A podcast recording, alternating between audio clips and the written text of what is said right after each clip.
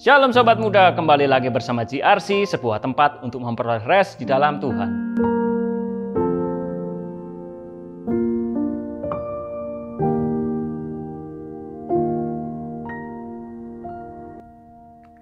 Halo teman-teman kaum muda GRC dan remaja Sion. Senang sekali saya masih bisa mendapatkan kesempatan membagikan firman Tuhan kepada kalian secara online. Saya selalu mendoakan kalian semua supaya Tuhan juga memberikan kekuatan bagi kita, serta sukacita untuk melewati masa-masa sulit ini bersama-sama. Mari jadikanlah komunitas ini, baik GRC maupun Zion Teens, menjadi wadah di mana kita tetap bertumbuh mengenal Tuhan. Nah teman-teman, hari ini saya ingin mengajak kalian merenungkan sebuah tema, yaitu libatkan Tuhan dalam setiap perencanaan. Mari sebelum kita merenungkan kebenaran firman Tuhan lebih dalam, kita berdoa meminta pimpinan Tuhan. Tuhan Bapa kami yang baik, kami mengucap syukur ya Tuhan untuk kebaikan-Mu yang Kau tunjukkan di dalam kehidupan kami. Meskipun di tengah-tengah pandemi COVID yang melanda dunia hari-hari ini ya Tuhan. Tetapi kami masih bisa melihat betapa kasih setiamu, betapa kebaikan-Mu terus menyertai kami. Hari ini juga kami bersyukur Tuhan, kalau kami masih diberikan kesempatan untuk mendengarkan firman-Mu. Tolong setiap kami Bapa, untuk kami tidak hanya sekedar memahami apa yang Kau sampaikan melalui firman-Mu, tetapi di dalam kehidupan kami, firman-Mu boleh mengubahkan kehidupan kami. Terima kasih Bapa. Kami serahkan waktu ini ya Tuhan ke dalam tangan-Mu saja. Hanya di dalam nama Tuhan Yesus Kristus kami berdoa. Amin. Mari teman-teman, saya mengajak kita membaca bersama-sama bagian firman Tuhan yang akan menjadi dasar perenungan kita di dalam Yakobus pasal 4 ayat 13 sampai 16. Yakobus pasal 4 ayat 13 sampai 16. Jadi sekarang, hai kamu yang berkata, hari ini atau besok kami akan pergi ke kota Anu dan di sana kami akan tinggal setahun dan berdagang serta mendapat untung. Sedang kamu tidak tahu apa yang akan terjadi besok. Apakah arti hidupmu? Hidupmu itu sama seperti uap yang sebentar saja kelihatan lalu lenyap. Sebenarnya kamu harus berkata jika Tuhan menghendakinya, kami akan hidup dan berbuat ini dan itu. Tetapi sekarang kamu memegahkan diri dalam congkakmu dan semua kemegahan yang demikian adalah salah. Nah, teman-teman, sebagai umat Tuhan yang telah ditebus melalui karya pengorbanan Kristus di atas kayu salib, kita dituntut untuk memiliki kedewasaan rohani yang terpelihara dengan baik dalam diri kita. Kedewasaan rohani ini hanya kita temukan ketika kita selalu hidup bergaul dengan Tuhan. Nah, ciri-ciri orang yang bergaul sama Tuhan adalah ketika mereka membawa hidupnya kepada Tuhan, termasuk segala hal yang mereka rencanakan dalam hidup ini. Bertanya terlebih dahulu kepada Tuhan, apakah rencana saya sudah sesuai, sudah sejalan dengan rencana Tuhan?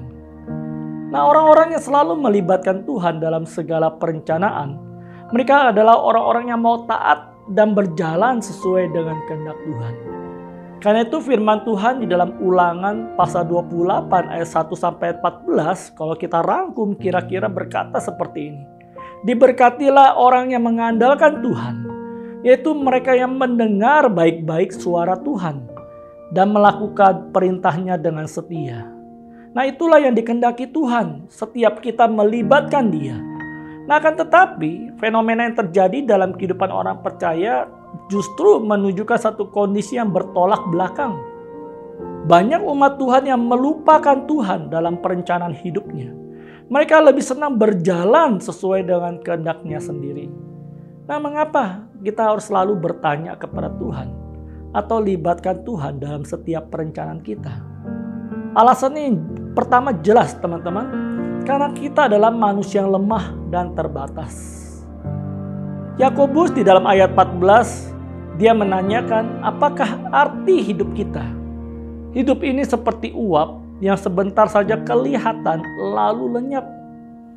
Jadi dengan kata lain Yakobus ingin mengangat mengatakan bahwa hidup ini sangat singkat dan kita tidak tahu apa yang akan terjadi besok atau kita tidak bisa memprediksi kapan akhir hidup kita. Ini adalah rahasia Tuhan. Karena itu kita perlu datang kepada Tuhan. Kita perlu bertanya kepada Tuhan. Apa yang kau kehendaki dalam hidup saya? Nah teman-teman ketika firman Tuhan mengingatkan kita untuk selalu bertanya kepada Tuhan. Itu bukan berarti membuat kita menjadi orang yang pasif. Hanya berpangku tangan menunggu jawaban Tuhan tanpa merencanakan apa pun di dalam hidup kita. Tidak teman-teman. Bukan itu yang dimaksud oleh Yakobus. Tetapi Yakobus ingin menekankan bahwa setiap kita harus memiliki satu penyerahan total hidup kita kepada kehendak Tuhan. Selama kita masih memiliki kesempatan untuk hidup, marilah kita mengisi hidup ini sesuai dengan kehendak Tuhan. Mengikuti apa yang menjadi keinginan Tuhan, bukan keinginan kita sendiri.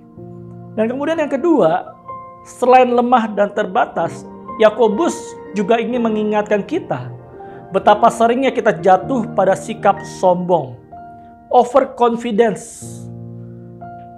Teman-teman tidak dipungkiri, memang ketika Tuhan menempatkan kita di tengah-tengah dunia ini, Tuhan tidak membiarkan kita begitu saja hidup tanpa diberikan bekal. Ada yang Tuhan berikan kepada kita, baik itu berupa keahlian, kemampuan untuk membaca situasi, kemampuan untuk mengelola segala hal yang Tuhan percayakan kepada kita, dan kemampuan lainnya. Nah, melalui kemampuan itulah kita dapat survive dan bertahan di tengah-tengah dunia ini. Akan tetapi, sering kali kemampuan ini justru membuat kita jatuh dalam dosa kesombongan. Nah, kesombongan ini jelas terlihat di dalam kisah pedagang yang dilukiskan oleh Yakobus di dalam ayat 13. Oleh karena pengalamannya, Pedagang ini tidak pernah sedikit pun berdoa, meminta pimpinan maupun penyertaan Tuhan atas usahanya, maupun membawa segala perencanaannya kepada Tuhan ketika dia akan berangkat untuk berdagang. Sebab dia yakin bahwa dirinya sendiri berdasarkan pengalaman dia bisa melakukan dengan sukses, dengan baik tanpa pertolongan Tuhan. Karena itu teman-teman, berhati-hatilah dengan kesombongan kita. Ingat dan sadarilah bahwa segala sesuatu hanya bisa terjadi kalau Tuhan menghendakinya. Amsal pasal 16 ayat 9 menuliskan, hati manusia memikir-mikirkan jalannya, tetapi Tuhanlah yang menentukan arah langkahnya. Teman-teman, hari ini firman Tuhan telah mengingatkan kita betapa pentingnya kita melibatkan Tuhan dalam segala perencanaan kita. Agar apa yang kita kerjakan itu berkenan di hadapan Tuhan. Karena itu dalam waktu kita yang sementara ini, ayo kita belajar melatih diri kita untuk selalu bertanya kepada Tuhan. Meminta petunjuk kepada Tuhan dan selalu melakukan kehendaknya. Dengan cara demikian, hidup kita tetap ada di dalam penyertaan Tuhan. Kita tetap mendapatkan berkat dari Tuhan. Kira Tuhan menolong dan menyertai kita. Amin. Mari kita berdoa. Tuhan kami mengucap syukur. Hari ini firman-Mu mengingatkan kami. Betapa lemahnya diri kami. Betapa sombongnya hidupan kami ya Tuhan. Ketika kami menjalani hidup ini.